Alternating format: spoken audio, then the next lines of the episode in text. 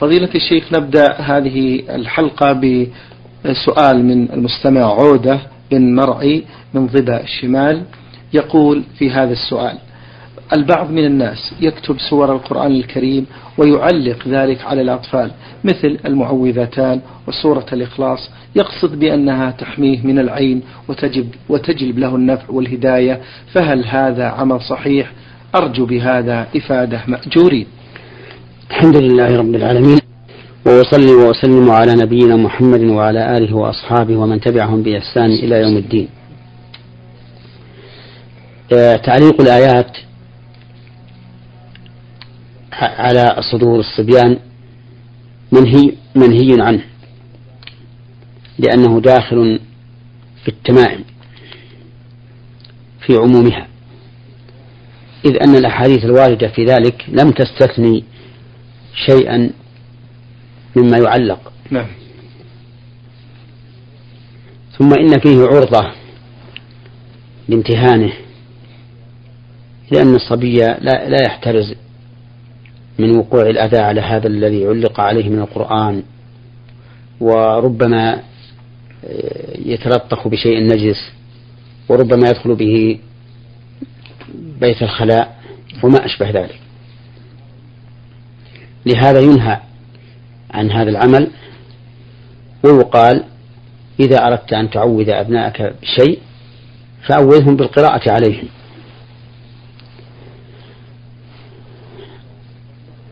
ومن العلماء من رخص في تعليق المكتوب من القرآن على المريض للاستشفاء به. واستدل بعموم قوله تعالى وننزل من القرآن ما هو شفاء ورحمة للمؤمنين ولا يزيد الظالمين إلا خسارة. والاحتياط أن لا يفعل ذلك لا لدفع البلاء كما ذكره السائل ولا لرفعه كما أشرنا إليه. وليكن مستعملا لما جاءت به السنة من تعويذ الإنسان بالقراءة والقراءة على المريض كذلك بما جاءت به السنة. نعم. بارك الله فيكم. مجموعة من السائلات رمزنا لأسمائهن بهذا الرمز. يقولنا فضيلة الشيخ نحن السائلات من المدرسة الثانوية في جدة. لنا هذا السؤال.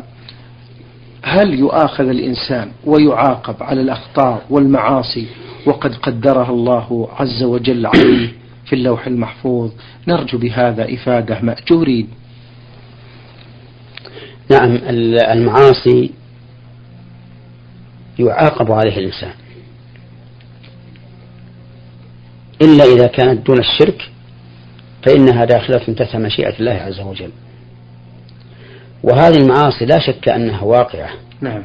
بعلم الله ومشيئة الله وأنها مكتوبة على العبد.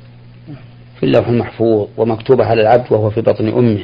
الله ولكن هذه الكتابة ليست معلومة حتى يكون الإنسان بنى عمله عليها. لو كان يعلمها فبنى عمله عليها لقلنا إن له حجة لكنه لم يعلمها. فمن يعلم أن الله تعالى قدر له أن يعصي الله وهو لم يعصيه حتى الآن. وما تدري نفس ماذا تكسب غدا. ولهذا يكون إقدام العاصي على المعصية إقداما بلا علم أن الله قدرها عليه حتى تقع منه. والحجة لا تكون حجة حتى تكون سابقة على العمل الذي احتج بها عليه. ولهذا قال بعض العلماء إن القدر سر مكتوم لا يعلم حتى يقع. وهذا صحيح. من يعلم أن الله قدر أن ينزل المطر غدا؟ حتى ينزل غدا ونعلم أن الله قدره. من يعلم أن فلانا يعصي الله غدا حتى يعصي الله هذا الرجل؟ فنعلم أن الله قدره. ولهذا لا حجة للإنسان العاصي بقدر الله على شرع الله. فالشرع لا يحتج عليه بالقدر أبدا. ولها قال الله تعالى مبطلا هذه الدعوة أي دعوى القدر سيقول الذين أشركوا لو شاء الله ما أشركنا ولا آباؤنا ولا حرمنا من شيء. كذلك كذب الذين من قبلهم حتى ذاقوا بأسنا. ولو كانت الحجة صحيحة لم يستحقوا أن يذوقوا بأس الله. وقال الله تعالى رسلا مبشرين ومنذرين لئلا يكون للناس على الله حجة بعد الرسل. ولو كان القدر حجة لم يم لم يرفعها إرسال الرسل. ولما أخبر النبي صلى الله عليه وعلى آله وسلم أنه ما من أحد إلا كتب مقعده من الجنة أو من النار قالوا يا رسول الله أفلا ندع العمل ونتكل؟ قال اعملوا فكل ميسر لما خلق له. ثم قرأ صلى الله عليه وسلم فأما من أعطى واتقى وصدق بالحسنى فسنيسره لليسرى وأما من بخل واستغنى وكذب بالحسنى فسنيسره للعسرى. فنحن نقول للإنسان القدر علمه عند الله عز وجل وهو سر مكتوم وأنت مأمور بأن تعمل العمل الصالح وأن تتجنب العمل السيء فقم بما أمرت به. اعمل عملا صالحا واجتنب العمل السيء وهذا هو المطلوب منك ولا يكلف الله نفسا إلا وسعها. نعم. بارك الله فيكم. من الجزائر السائل محمد ألف ألف يقول فضيلة الشيخ أنا مسلم وأحمد الله على ذلك متبع لكتاب الله وسنة رسوله صلى الله عليه وسلم. ولكن لي زملاء عندهم بعض البدع فهل لي أن أهجرهم وأتركهم؟ أفيدوني وانصحوني مأجوري. الواجب على من كان له قرناء نعم. فيهم بدعة أن ينصحهم ويبين لهم أن هذا أن ما هم عليه بدعة. لعل الله أن يهديهم على يديه حتى ينال أجرهم. فقد قال النبي عليه الصلاة والسلام لعلي بن أبي طالب لأن يهدي الله بك رجلا واحدا خير لك من حمر النعم. فإن أصروا على ما هم عليه من البدعة فإن كانت البدعة مكفرة وجب عليه هجرهم والبعد عنهم. وإن لم تكن مكفرة فلينظر هل في هجرهم مصلحة؟ إن كان في هجرهم مصلحة حجرهم وإن لم يكن في هجرهم مصلحة فلا يهجرهم. وذلك لأن الهجر دواء. إن كان يرجى نفعه فليفعل وإن لم يرجى نفعه فلا يفعل لأن الأصل أن هجر المؤمن محرم. والعاصي من المؤمنين لا لا يرتفع عنه اسم الإيمان. فيكون هجره في الأصل محرما لكن إذا كان في هجره مصلحة لكونه يستقيم ويدع ما يوجب فسقه فإنه يهجر وإلا فلا. هذا هو الضابط في الهجر الذي تجتمع به الأدلة وخلاصته أن هجر الكافر المرتد واجب إذا لم يفد به النصيحة. هجر الفاسق ليس بجائز إلا إذا كان في هجره مصلحة ودليل ذلك أن النبي صلى الله عليه وعلى آله وسلم قال لا حل لأحد أن يهجر أخاه المؤمن يلتقيان فيعرض هذا ويعرض هذا وخيرهما الذي يبدأ بالسلام إلا إذا كان في هجره مصلحة. فيهجر كما فعل النبي صلى الله عليه وعلى آله وسلم في كعب بن مالك وصاحبيه حين تخلفوا عن غزوة تبوك. نعم. بارك الله فيكم. من السودان فضيلة الشيخ سائل يقول أسأل عن الرقية الشرعية وغير الشرعية. عن؟ الرقية الشرعية وغير الشرعية. الرقية الشرعية ما جاءت به السنة. مثل اللهم رب الناس أذهب الباس واشف أنت الشافي لا شفاء إلا شفاءك شفاء لا يغادر سقما. وغير الشرعية هي البدعية أو الشركية. نعم. فما كان بدعة أو شركا فإن الرقى به محرم محرمة ولا تزيد الإنسان إلا ضررا ومرضا. وإن قدر أنه شفي بها فهو لم يشفى بها في الواقع. وإنما كان الشفاء عندها ألا بها امتحانا من الله سبحانه وتعالى لهذا الرجل الذي رقى بالشرك أو بالبدع. وأما الأدعية المباحة التي ليست ببدعة فالرقى بها جائز جائزة. فتبين بهذا أن الرقى أربعة أقسام. ما جاءت به السنة فالرقية به مشفوعة مستحبة. وما كان شركا أو كان بدعة فالرقية به محرمة. وما كان دعاء مباحا لا شرك فيه ولا بدعة لكنه ليس مما ورد عن النبي صلى الله عليه وآله وسلم فالرقية به جائزة. ولهذا قال النبي عليه الصلاة والسلام في الرقى لا بأس بها ما لم تكن شركا. نعم. له آه، سؤال آخر فضيلة الشيخ يقول آه هذا السائل من العراق من نينوى أبو عمرو يقول ما المراد بالتوسط في الدين أو الوسطية فضيلة الشيخ؟ أرجو بهذا إفادة مأجورين. التوسط في الدين أو الوسطية أن يكون الإنسان بين الغالي والجافي نعم. وهذا يدخل في الأمور العلمية العقدية وفي الأمور العملية التعبدية فمثلا في الأمور العقدية انقسم الناس فيما يتعلق بأسماء الله وصفاته إلى ثلاثة أقسام نعم. طرفان ووسط طرف غلا في التنزيه. فنفى عن الله ما سمى ووصف به نفسه. وقسم غلا في الإثبات. فأثبت لله ما أثبته ما أثبته الله لنفسه من الأسماء والصفات لكن باعتقاد المماثلة. وقسم وسط أثبت لله تعالى ما أثبته لنفسه من الأسماء والصفات لكن بدون اعتقاد المماثلة بل باعتقاد المخالفة وأن الله تعالى لا يشبه شيء ولا لا وأن الله تعالى لا يماثله شيء من مخلوقاته مثال الأول نعم.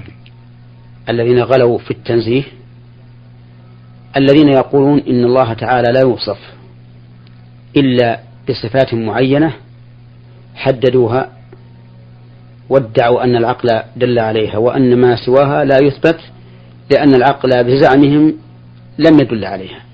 فمثلا أثبتوا صفة الإرادة لله وقالوا إن الله تعالى مريد لكنهم نفوا صفة صفة الرحمة عنه وقالوا معنى الرحمة الإحسان أو إرادة الإحسان وليست وصفا في الله عز وجل فتجد هؤلاء نعم. أخطأوا حيث نفوا ما وصف الله به نفسه بل نفوا ما كانت دلالة العقل فيه أظهر من دلالة العقل على ما أثبتوه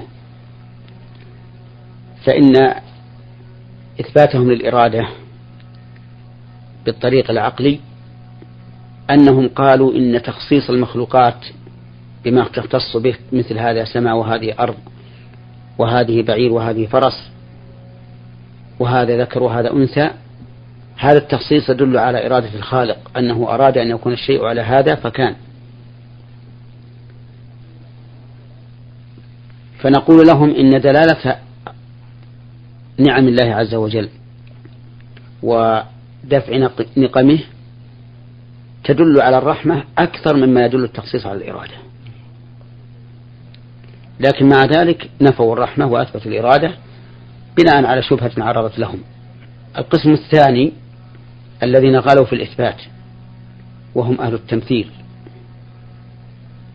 قالوا نثبت الله عز وجل الصفات لكن على وجه المماثل للمخلوق. وهؤلاء ضلوا وغفلوا عن قول الله تعالى ليس كمثله شيء. والقسم الثالث الوسط قالوا نثبت الله كل ما أثبته الله لنفسه في كتابه أو فيما صح عن رسوله صلى الله عليه وآله وسلم من الأسماء والصفات مع اعتقاد عدم المماثلة. وأن ما يثبت للخالق من ذلك مخالف لما يثبت للمخلوق. فإن ما يثبت للخالق أكمل وأعلى كما قال تعالى ولله المثل الأعلى وهو العزيز الحكيم. هذا في العقيدة. كذلك أيضا في الأعمال البدنية. من الناس من يغلو فيزيد ويشدد على نفسه ومن الناس من يتهاون ويفرط فيضيع شيئا كثيرا. وخير الأمور الوسط. والوسط الضابط فيه ما جاءت به الشريعة فهو وسط. وما خالف الشريعة فليس بوسط. بل هو مائل إما إلى الإفراط وإما إلى التفريط. وقد ذكر شيخ الإسلام رحمه الله في العقيدة الواسطية خمسة أصول. بين فيها رحمه الله أن أهل السنة فيها وسط بين طوائف المبتدعة. فيا حبذا لو أن السائل نعم. رجع إليها لما فيها من الفائدة. نعم. بارك الله فيكم فضيلة الشيخ.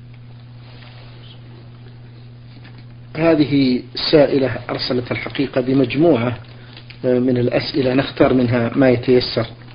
تقول فضيلة الشيخ بأنها فتاة تبلغ من العمر السادسة والعشرين لم تتزوج بعد. تقول لأنني أنتظر مجيء شاب ملتزم ولو يكبرني بالعمر قليلا إلا أنه لم يأتي لخطبتي إلا شاب مفرط أو رجل ملتزم ولكنه كبير في السن وفارق كبير.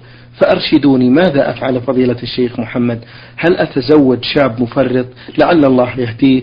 أم أتزوج رجل ملتزم ولو كان كبير في السن؟ أفيدوني بالأصح مع الدعاء لي بأن يرزقني الله زوج صالح يحب الله ويحب الرسول صلى الله عليه وسلم. وأختكم في الله غادة من المدينة المنورة. الذي أرى أنه إذا كان الخطاب عليها كثيرين وهو خلاف ما ذكر في السؤال. نعم هل تصبر؟ وعمرها الآن لم يفت كثيرا. وأما إذا كان الخطاب عليها قليلين كما هو سؤالها نعم. فأرى أن تتزوج الرجل الكبير الله. صاحب الدين لقول النبي عليه الصلاة والسلام إذا أتاكم من ترضون دينه وخلقه فأنكحوه. فجعل المدار على الدين والخلق. وأما الشاب الذي ليس على الوجه المرضي في دينه فلا أرى أن تتزوج به. ما دام قد خطبها من هو كفء في دينه وخلقه. وكثير من الناس من النساء وأولياء أمورهن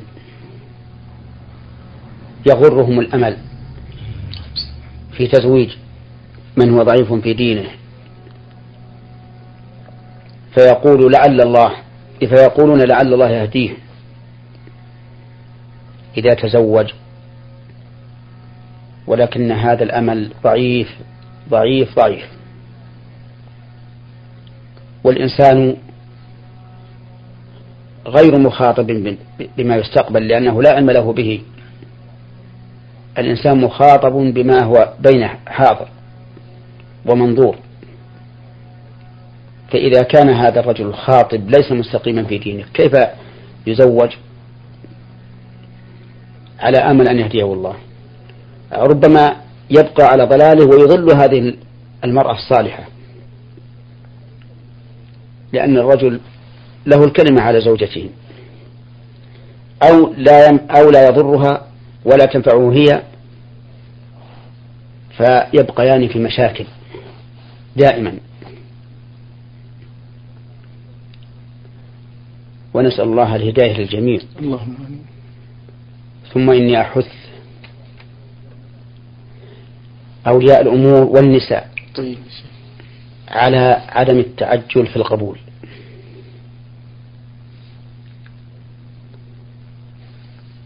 بل يصبرون حتى يبحثوا عن الخاطب من جميع الجوانب.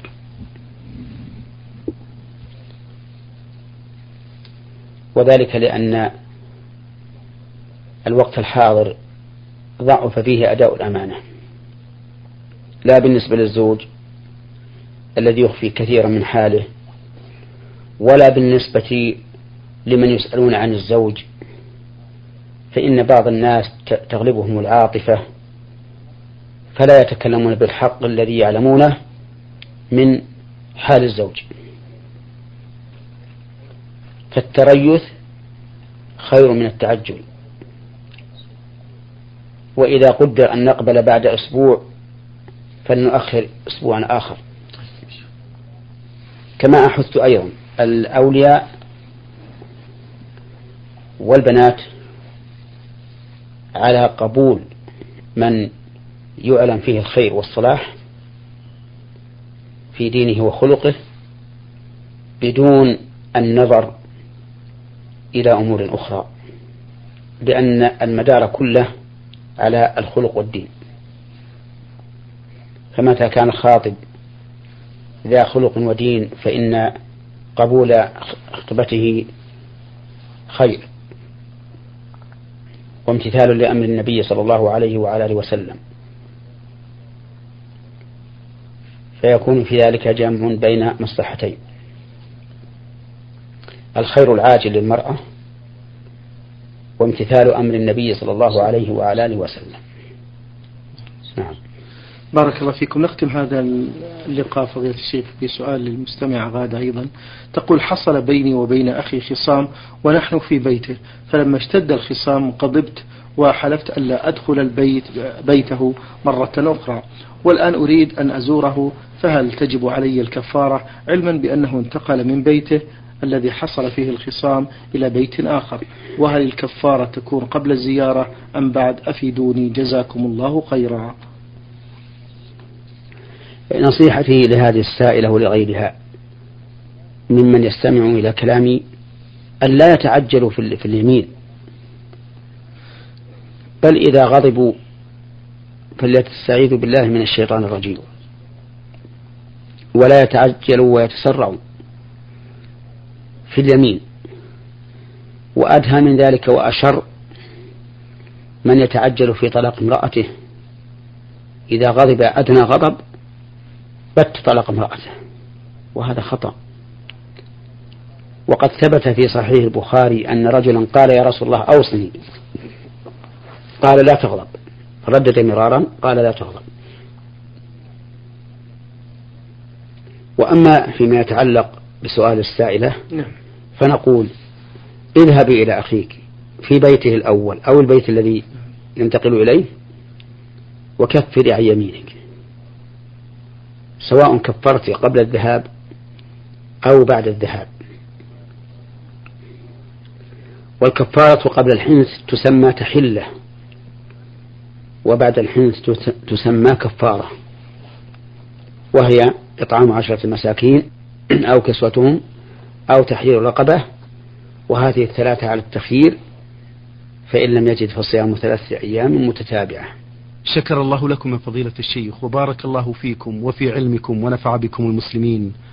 أيها الإخوة الأحباب أيها الإخوة المستمعون الكرام أجاب على أسئلتكم فضيلة الشيخ محمد بن صالح بن عثيمين الأستاذ في كلية الشريعة وأصول الدين في القصيم وخطيب وإمام الجامع الكبير في مدينة عنيزة. شكر الله لفضيلته وشكرا لكم أنتم. وفي الختام تقبلوا تحيات زميلي مهندس الصوت سعد عبد العزيز خميس. والسلام عليكم ورحمة الله وبركاته. نور على الدرب. برنامج يومي يجيب فيه أصحاب الفضيلة العلماء على أسئلة المستمعين. البرنامج من تقديم وتنفيذ عبد الكريم صالح المقرن